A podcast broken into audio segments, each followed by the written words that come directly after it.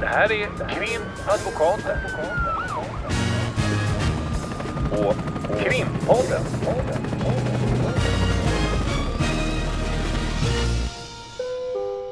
Parter och ombud kallas till sal 32. Hej och välkomna till avsnitt 48 nu med Krimpodden där jag, Lotta Wirén och min kära kollega Ulrika Borg sitter och pratar. Och då kan man ju kanske tänka sig, vi brukar ju alltid börja på ett ungefär likartat sätt. Hej Lotta, hej Ulrika. Ja, eller rakt på som vi har kört några gånger här nyligen. Men eh, nu har vi ju fått i alla fall en reaktion om att man skulle önska att vi är lite tydliga med vad vi heter eh, i sin helhet. Och då För att uttrycka sig komplicerat. vad jag heter i vad min heter helhet. du? Och då heter jag Lotta Wirén. Och jag heter Ulrika Borg. Hur har din dag varit, Ulrika Borg? Idag? Ja, idag? Vad är för dag idag? Idag är det torsdag. Ja. Jag... Så vi spelar in det här lite, några dagar före det sänds. Precis, Det är inte riktigt live, men nästan live. nära Det är på. torsdag kväll, så det är snart lördag. Och vad jag har gjort idag är att jag har haft eh, möte hela dagen med Advokatsamfundets disciplinnämnd.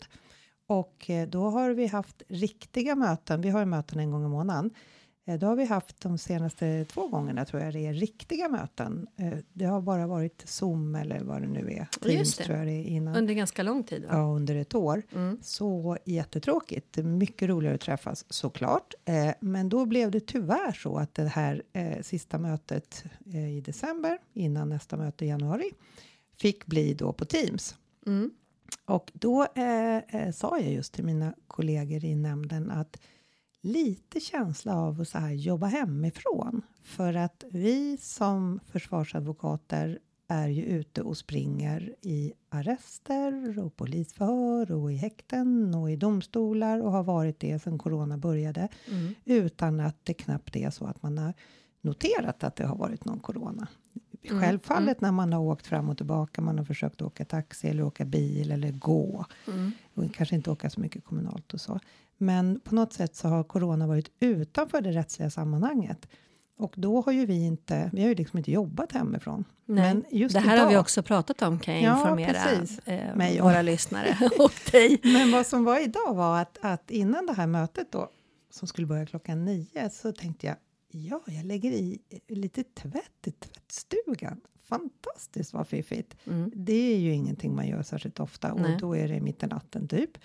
Eller jo, så- vi tvättar ju våra kläder som andra människor. Men vi, Ja, vi vi, måste göra det väldigt, vi måste göra det väldigt, kanske vid andra tider för att man inte riktigt hinner det på Ja, dagarna. men då var det otroligt skönt att göra det. Och sen hade vi eh, ett lunchbreak och då var jag nere där i tvättstugan igen.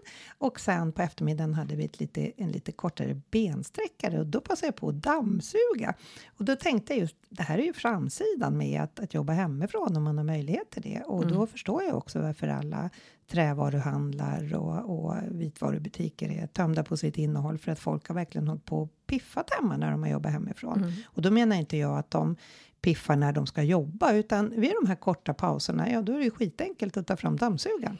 Eller jag, jag tänker också att det är för de flesta människor är att man måste färdas till och från Slippa jobbet resan, och, och, och man blir trött av det också. Man, man kommer hem, man är stressad och så vidare. Så som de alla har i stort sett. Då är man inte så, sugen på att gå till så- tvättstugan. Exakt. Och, och jag tror att som vi ju tycker är tjusningen i vårt liv och som andra kanske, alltså vad gäller vårt yrkesverksamma liv i alla fall, och som jag kanske många människor skulle bli stressade över på ett annat sätt, är ju det här att vi inte har den typen av rutin heller. Vi kan ju jobba väldigt sent på kvällarna och vi kan jobba tidigt på morgnarna och sen ibland har vi en kväll ledig och det är väldigt svårt att förutsäga, det har vi varit inne på också. Mm. Men, eh, och, och det tror jag, i alla fall för mig så gör det att det är svårt också att få en rutin i, i, i det privata, i Mm. vardagssysslor och så vidare. För har man en, en kväll ledig så blir man nästan, vad ska jag göra nu? Nu vill man göra allt. Mm. Så att eh, eh, jag förstår att skulle vi ha mer så som nu, att vi också kan jobba hemifrån på det, så skulle det säkert bli att allting är väldigt, väldigt välputsat och fixat. Men du eh, Lotta Wirén, vad har du gjort idag? Eh, Jag har i stort sett bara suttit i hovrätten eh, idag och eh, fixat grejer på kontoret. Mm. Och nu sitter Så en vi här. ganska vanlig dag. Ja, och nu sitter vi här. Ja, Och idag, Ulrika, om du vill eh, inleda, vad ska vi prata om idag? ja idag så tänkte jag eh, berätta om vad jag brukar berätta när det gäller eh, frågor kring, jaha, ni har krimadvokater, vi har hört talas om att det är en, en byrå med, med bara kvinnliga delägare och lite sådär. Man är på föreläsningar eller man får frågor. Eh, och då brukar jag eh, berätta att vi är kvinnliga delägare eh, och det är inte så att det finns något som helst förbud på att vara man, men just nu är vi kvinnliga delägare. Eh, och eh, då brukar folk säga så här, jaha, och ni, och då säger jag så här, vi är en, en av de få, jag brukar säga vi är den enda kvinnliga försvarsadvokatbyrån som är inriktade på försvararuppdrag som är bara kvinnliga delägare. På många andra byråer är det bara manliga delägare. Men då brukar man få frågan så här, jaha, så att ni ska då försvara kvinnor? Och då brukar jag eh, oftast eh, säga att Ja, skulle vi försvara kvinnor då skulle vi ju gå i konkurs innan vi ens hade öppnat butiken eftersom eh, eh det är väldigt många färre kvinnor som är misstänkta och döms för brott. Mm. Eh, och, eh, och det kanske är lite att ironisera över den som ställer frågan men man kanske tänker att man ska försvara ett, en målsägande som är utsatt för brott. Men då får man väl reda ut det då, då. För är man målsägandebiträde då är man ju inte försvarare. Och då är det just det här, nej men det skulle vi bara försvara kvinnor, ja då skulle vi gå i konkurs. Och det är inte det det handlar om utan det handlar om att vi är försvarsadvokater och det som är unikt med den här byrån är att det är bara kvinnliga delägare. Men eh, och då. Eh, Och jag får bara lägga in där, jag tror att överhuvudtaget så finns det nog ingen byrå, i vart fall inte i Sverige, som bara företräder ett kön. Alltså Nej. att klienterna bara skulle, jag tror att alla skulle, Det skulle det skulle vara väldigt konstigt. Så att jag tror att även om det finns, det finns ju några byråer som bara har målsägande inriktningen, Mm. alltså må, att vara målsägande beträde. Och även där tror jag att man har både män och kvinnor, även om det då oftast då kan, säkert är kvinnor som är klienter. Men man, jag kan inte tänka mig att man gör en, en uppdelning i, i kön där. Nej, och med tanke på... eh, eh, nej, verkligen Det inte. det- och jag jag, tänker det- med, med, med den erfarenheten som vi har, och den är ju baserad i, i, vet, i, i vetenskap och beprövad erfarenhet, höll jag på att säga. Den är ju baserad på hur det ser ut i samhället. Att det är eh, färre kvinnor som sagt som blir misstänkta och bedömda för brott. Då eh, brukar jag också säga att eh, vi brukar, eller i alla fall jag, resonera i att eh, den dagen, om vi har ett mått på jämställdhet, den dagen eh, lika många kvinnor begår brott som antalet män, det vill säga brottsligheten är jämnt fördelad på könen. Det skulle vara ett mått på jämställdhet. Mm. Och då har Och vi... då har vi ju plötsligt Mm. landat i att vi, vi har fått en rapport ifrån Brå här i dagarna där man eh, har gått igenom den här ungdomsrånen. Och det, den här rapporten har blivit ganska uppmärksammad eh, på i rapportsändningar och så vidare och framförallt då kanske av politiska partier. Det tänker vi att vi ska återkomma till. Men det vi noterade när vi läste den här eh, rapporten är att man eh, har gjort en fördjupad granskning vad gäller då eh, de ungdomsrån där det är minst en flicka som också är misstänkt. Och då har man kunnat konstatera att eh, andel flickor som misstänks för ungdomsrån det har ökat från 4% till 8% under den period som man då iakttar. Det är 2015 till 2019. Ehm, och det är ju intressant. Det är alltså en, en fördubbling om man säger 4 till 8 Även om det fortfarande är en ganska låg procent, men, men ändå. Då har man alltså kunnat konstatera att antalet tjejer, vi, vi, vi snackar om eh, ganska unga personer, som de, det här handlar ju om ungdomsrån. Då. Ungdomsrån, jag kommer till också vilka åldrar. Men, men eh, att det har ökat, att tjejer då begår den här typen av brott. Och det man också då i den här utredningen och kartläggningen av de fall man har kunnat eh, gå igenom så eh, har man också kunnat konstatera att karaktären på de rån som, eh, där tjejer då är, är misstänkta ser lite annorlunda ut än när det bara är killar bland de misstänkta. Och då är det bland annat att tjejerna oftast är under 15 år. Eh, och, som förövare då? Alltså ja, men som förövare. Ja, men precis. Och, eh, ehm, och att, vilket man då säger är en skillnad mot när det bara är killar. När tjejer är med så är det eh, vanligtvis så att de inte är okända för brottsoffren. Så det är alltså inte de här helt oprovocerade påhoppen. Eller oprovocerat kan det ju vara, men alltså att man... Det är man, ingen random man har, rån. Nej, men exakt. Utan att man verkar då, om jag tolkar det här rätt, väljer ut sådana som man känner till på olika sätt. Känner till eller känner eller kanske inte? Både och Ja, antar jag. Ja. Och ehm, att man ehm, i själva gärningen använder förhållandevis, som man skriver, mycket hot, våld, maktutövning och förnedringsinslag i dem. Så att det då är särskilt utmärkande. Och jag måste säga att det, jag tyckte det var det är intressant att det skiljer sig på just det här. Det tror jag många kanske lyfter i alla fall ett ögonbryn när man läser. Eftersom vi alla har fördomar, tror jag, kring hur det faktiskt ser ut. Och då skulle jag vilja bidra med min lilla skärva här för då har jag... Jag tänkte att jag skulle göra en sån här bra catch Ja, till dig där. precis, tack. med fördomar. Ja. Tack för det inpasset. Ja. Eh, då är det så här att eh, det finns en ytterligare BRÅ-rapport som jag har kastat ett getöga på, eh, om det nu heter så, där man då ifrån BRÅs sida har eh, undersökt eh, hur domare dömer i relation till var någonstans i Sverige i de olika domstolarna. Och då har man velat undersöka om det finns skillnader mellan olika grupper av domare eller mellan olika domstolar i olika områden. Mm. Och då eh, har man gjort någonting som kallas för en vignettstudie. Och det är att man har fiktiva, ganska korta händelseförlopp som man då presenterar eh, för de här domarna.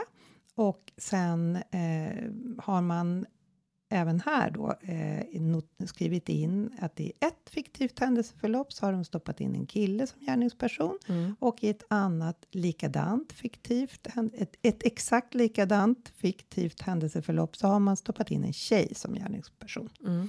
Och då är det jätteintressant för att vad de kommer fram till det är att resultatet av den här så kallade vignettstudien det är att domare och domstolar i, i, i olika delar av Sverige då, då, i ganska stor utsträckning bedömer när det gäller påföljden på ett enhetligt sätt. Då tittar man alltså enhetligt.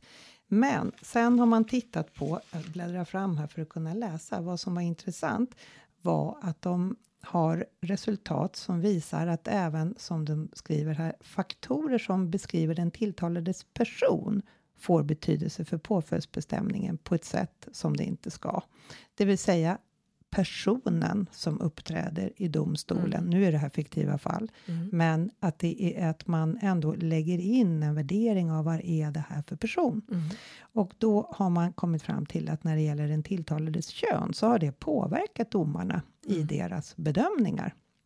Som Då- en faktor, antar jag. Mm. Men Och då har de angivit att i de här fiktiva fallen där den tilltalade var en kvinna så har man då bedömt ett mildare straff. Så man har utdömt ett fiktivt mildare straff än i de fall där den tilltalade var en man. Och exakt samma förutsättningar. Exakt samma förutsättningar. bakgrundshistorik får vi utgå ifrån då också. Så Det är ju inte samma såna, förlopp och så byter man Exakt. bara ut namnet. Och då, eh, det är ju jätteintressant eh, för det här är väl kanske inte någonting som vi in, vi blir inte så jätteförvånade. Nej, vi har ju till Men- och med ett begrepp för det. Vi brukar ja, ju prata vi ska om... vänta lite med det, så du. Ah, okej. För, vi ska, Cliffhanger Ja. också. för det är nämligen så att eh, när de här, eh, eh, den här studien då sen presenteras för de domare som har varit delaktiga i studien, då har man också haft intervjuer med domarna. Mm. Och då har, eh, har, säger man på Brå att flera av domarna har lyft fram bilden just att eh, gärningspersonen som sådan kan påverka dem, fast på ett omedvetet sätt. Mm. Och det här är, är vi kommer till cliffhanger-begreppet, men eh, det här är ju också någonting som man kan uppleva och även tala om för klienterna att eh, rättens ledamöter, de är ju bara människor, Mm. även om de ska bedöma det här och de gör det på ett professionellt och ett sätt som också styrs av den rättspraxis som finns och så, så är det ändå människor. Så sitt inte och tugga tuggummi rakt igenom hela huvudförhandlingen eller uppträd oförskämt eller något. Det här är ju liksom människor och, och försök att, att hantera den situationen på samma sätt som du själv vill bli bemött. Mm. Och det är ju ingen, ingen nyhet för oss, men det är ändå intressant när man då får svart på vitt genom Brås undersökning att där den tilltalade är en kvinna så bedömer man eh, situationen så att man får ett mildare straff. Och nu kommer vi till det begreppet vi brukar köra ganska ofta. Mm. Och som jag, det är väl ett vedertaget begrepp? Ja, det är inte inom... vi som har hittat på det. Nej. Och gud vad det blir jättespännande nu. Ja. Den rosa lagboken. Den rosa lagboken. För den vanliga lagboken är ju en blå lagbok och då brukar man säga, jaha okej, okay, den rosa lagboken, det vill säga du har fått en kvinna som klient och du åker iväg på ett förhör, någon sitter i arresten. Mm. Eh, det kanske är när man sen träffar klienten, en mamma med småbarn eller en kvinna i största allmänhet. Eh, eh, och lite i bakhuvudet så har man ju oftast då att om det inte är jätteallvarligt så finns det ganska stor chans för den personen att bli försatt på fri fot under förundersökningen. Mm. Att det finns en viss benägenhet att lyssna mer när man sitter i en häktningsförhandling till exempel på den här proportionaliteten. Mm. När man drar in just de eh, eh, personliga förhållandena och Mm. arbete och framförallt familjesituationen. Det, det absolut. Och det gjordes, eh, ja, och, och, ja, precis, och, och, och det inte bara det att man försätts på fri fot under förundersökningen i, i vad vi tror i alla fall högre utsträckning, utan att det också blir precis som den här studien visar då att det blir eh, mildare påföljder och Mm. eh, kanske lite oftare icke frihetsberövande påföljder, icke fängelsepåföljd. Mm. Men eh, det gjordes, det borde jag ha kollat upp nu innan jag började snacka om det här, för det gjorde, skrevs en bok för ganska många år sedan, jag vet faktiskt inte, åtta typ år sedan, Mm. av två eh, journalister tror jag de var, Mm. två kvinnor som skrev en bok som just kanske hette Gärningsmannen är en kvinna eller någonting sånt. Just Vi det. får återkomma till den. Mm, Jag tror vi har mm. pratat om den Vi tidigare. kollar upp det så kan vi... Och där har de just konstaterat att, att eh, i deras undersökning, det var ju inte Brå då, men, men i deras undersökning så hade de kunnat konstatera att kvinnor blir mildare eh, bedömda om det inte var så att det var kanske äldre kvinnor med missbruk eller någonting sånt. Då Mm. kunde de bli hårdare bedömda. Mm, för exakt. då hade de minsann passerat liksom, vad som var anständigt. Att det Mm. var deras analys. Mm. Och det är ju jätteintressant att den rosa lagboken kanske håller... är eh, villkorad. Ja, det, Även, även där blir vi ju åldersdiskriminerade Ja, som kvinnor. Ja. Men eh, ja, det där är intressant. Eh, Tycker du, nu har vi sagt att det är vedertaget och så vidare, har du egen erfarenhet av det? Tycker du att det, det funkar så? Är du också så att när du har en, en tjej som sitter i arresten att du tänker så här att ja men då behöver Ja, jag det inte vara orolig. Nej. Ja, alltså, Det det, tänker man inte. Alltså, det, ja, så är det. Det finns som i alla fall i bakhuvudet för beroende brott. på brottet Ja, såklart. kommer det in ett grovt narkotikabrott och det är en kvinna så, så tänker man ju inte så. Men man kan också tänka eh, att är det flera frihetsberövade, kanske den här kvinnans pojkvän, så Mm. eh, kan man tänka sig att eh, kanske pojkvännen tar på sig delar av det här. Mm. Eh, tjejen säger att hon inte har vetat någonting. Det är inte helt ovanligt. Men det kan ju också vara så, tänker jag, att det, det är ju ingen hemlighet, eh, även om jag inte har någon direkt statistik på det, men om man ser till de som sitter som tilltalade i domstolarna så är det ju en majoritet män. Mm. Ska jag lägga till fortfarande då, med tanke på att vi, jag precis Från redogjorde för 4 det här. till 8 Ja. i ungdomsrånen. Ja, det är inte bara Eh, ungdomsrån, nej. liksom, men vi har skattebrott och så vidare. Det, det kanske är så att det, det kommer se annorlunda ut om, om några år eller flera år. Och Om så. några det kan år vi ju inte, tror jag knappast, men Nej, men, men i en framtid Mm, mm. utan att tidsbestämma det. Ehm, Men om man då tänker utifrån ett, ett domstolsperspektiv, ett domarperspektiv så, så um, när man får in männen som tilltalade så har man helt andra referensramar också utifrån var man kommer ifrån, utifrån vilket område, vad man har gjort, vad Mm. man säger, eh, invändningar och så vidare har hörts och lyssnats till i, i oerhört många exempel. Och när kvinnorna kommer in så när det, det är inte lika många exempel. Mm. Det, det, man kanske lyssnar mer. På ett, alltså det kanske är andra omständigheter som gör, inte bara fördomar utan att man som människa också agerar mot den personen på ett annat sätt. Och då tycker jag att det är, det är ju, det, det är väl inte heller någon jättenyhet, men att vi alla drivs av, av våra förutfattade meningar. visst. och, och, och en del kan ju stämma och en del kan ju stämma mindre givetvis. Men, men vad som är positivt då, det är ju när de har haft de här efterföljande intervjuerna i den här, den här eh, vignettundersökningen. Att de här domarna, några stycken av dem i alla fall, lyfter fram att det är klart att bilden av hur en Mm. gärningsperson är när det här ska bedömas, så Mm. det påverkar dem på ett omedvetet sätt. Alltså bara det att dis- börja diskutera det här, det är väl inte heller något nytt, men att diskutera det och titta på sina egna fördomar är ju väldigt positivt. Mm. Och jag kan tänka mig att det är intressant även för de här domarna som har deltagit i den här undersökningen, just att kunna se att oj, det här var inte vad jag trodde riktigt. Nej. Man tror ju att man är, det tror man ju eh, lite till mans, att Mm. man är fullständigt objektiv och inte lägger in några personliga värderingar, vilket mm, när man bara tänker ett varv till är ju ganska självklart att man gör. Mm. Men det är bara, bara det att sätta igång det tankearbetet är ju positivt. Ja, men det är det verkligen. Och jag tror, och jag tror mig också se det, att när man har när vi sitter i våra processer och man förbereder ett mål och så tänker man att här kommer jag nog få tampas med förutfattade meningar, framförallt kanske i vissa brott, säg sexualbrotten och så vidare. Om man redan i, i sakframställan, det vill säga i inledningsskedet i en process, ehm, vad ska man säga, approcherar, det är sånt fint ord men det låter så högtravat, men att man bara eh, går in på det, att Mm. här måste vi släppa våra fördomar, vi måste se det utifrån den berättelse som ges, vad, vilken typ av, av preferenser man har och så Mm. vidare. Så upplever jag att, för att jag tror att alla människor behöver fångas upp i hur man går in, vi har, vi har alla våra fördomar och, och vårt bagage och vi bedömer allting utifrån det. Det finns en annan forskningsrapport som har kommit ganska nyligen tror jag om, om eh, det här med förutfattade meningar och så vidare. Jag tror jag ska göra så att jag kollar upp dels den här boken du pratar om nu och sen den rapporten som kan vara intressant i sammanhanget också. Ehm, om bias då som man säger. Eh, och så lägger vi in det som eh, litet tips i vår, på vår eh, Instagram i, eh, när vi lägger upp podden här också. Så Ja. kan ni se det i texten nedanför förhoppningsvis som jag hittar nu det som Ja, eller också till. så, så kan jag berätta nu här. För, Jag kommer eh, ändå tror lägga att- in det. Ja, det får du gärna göra. Jag eh, tror också att vi tidigare haft det här när vi har haft eh, bok, boktips och så. Då har jag nu Ja, men det är därför jag känner igen det. Precis. Mm. Och då är det Susanne... Nu ska vi se här, jag måste förstora här så jag ser. Susanne Cordon och Anna Wetterqvist eh, som har då gett ut den här boken. Och den heter, som jag trodde, Gärningsmannen är en kvinna. Den ser jag att man kan lyssna på som ljudbok och man Jaså. kan också beställa den och eh, den finns då tillgänglig. Den var faktiskt, jag kan däremot inte säga när den är utgiven, det kan jag visst det, 2012. Mm. Jag trodde det var åtta år sedan men det visade sig vara nio år sedan. Mm. Nära Ändå det. väldigt Mm. nära. Mm.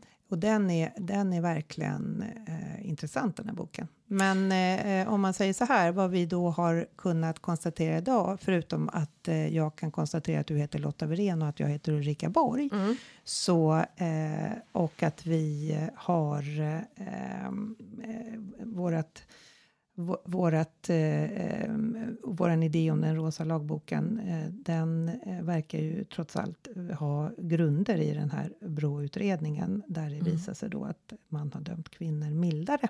Känner du igen det här med ungdomsrånen då? Att det är, när det är tjejer inblandade i, i eh, den här typen av brott, eh, att det är mer förnedringsinslag och det som... Jag kan säga så här att eh, jag tror, vet inte om du sa det, men, men eh, i det, det som Brå har tittat på så är det ju inte sällan att de här tjejerna då som är delaktiga i ungdomsrån är under 15 år. Mm.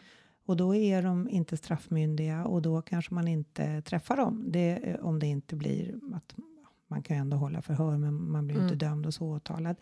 Men de kanske mer ofta i så fall dyker upp i, i när det blir tvångsomhändertaganden av unga. Mm. Men jag tror nog inte att jag på många, många år har haft eh, ungdomsrå, alltså tjej, någon tjej som klient. Det kan jag inte minnas på många år. Nej.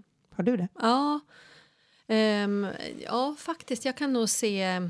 Inte så att jag skulle säga att jag ser en ökning, men, men eh, jag, På 4%. jag hör vad de säger och jag eh, kan eh, till viss del säga att, att jag har sett att det kan vara de här mer skändliga inslagen som eh, eh, kan vara otäcka till, till viss del faktiskt i hur, hur det sker. Att det finns en...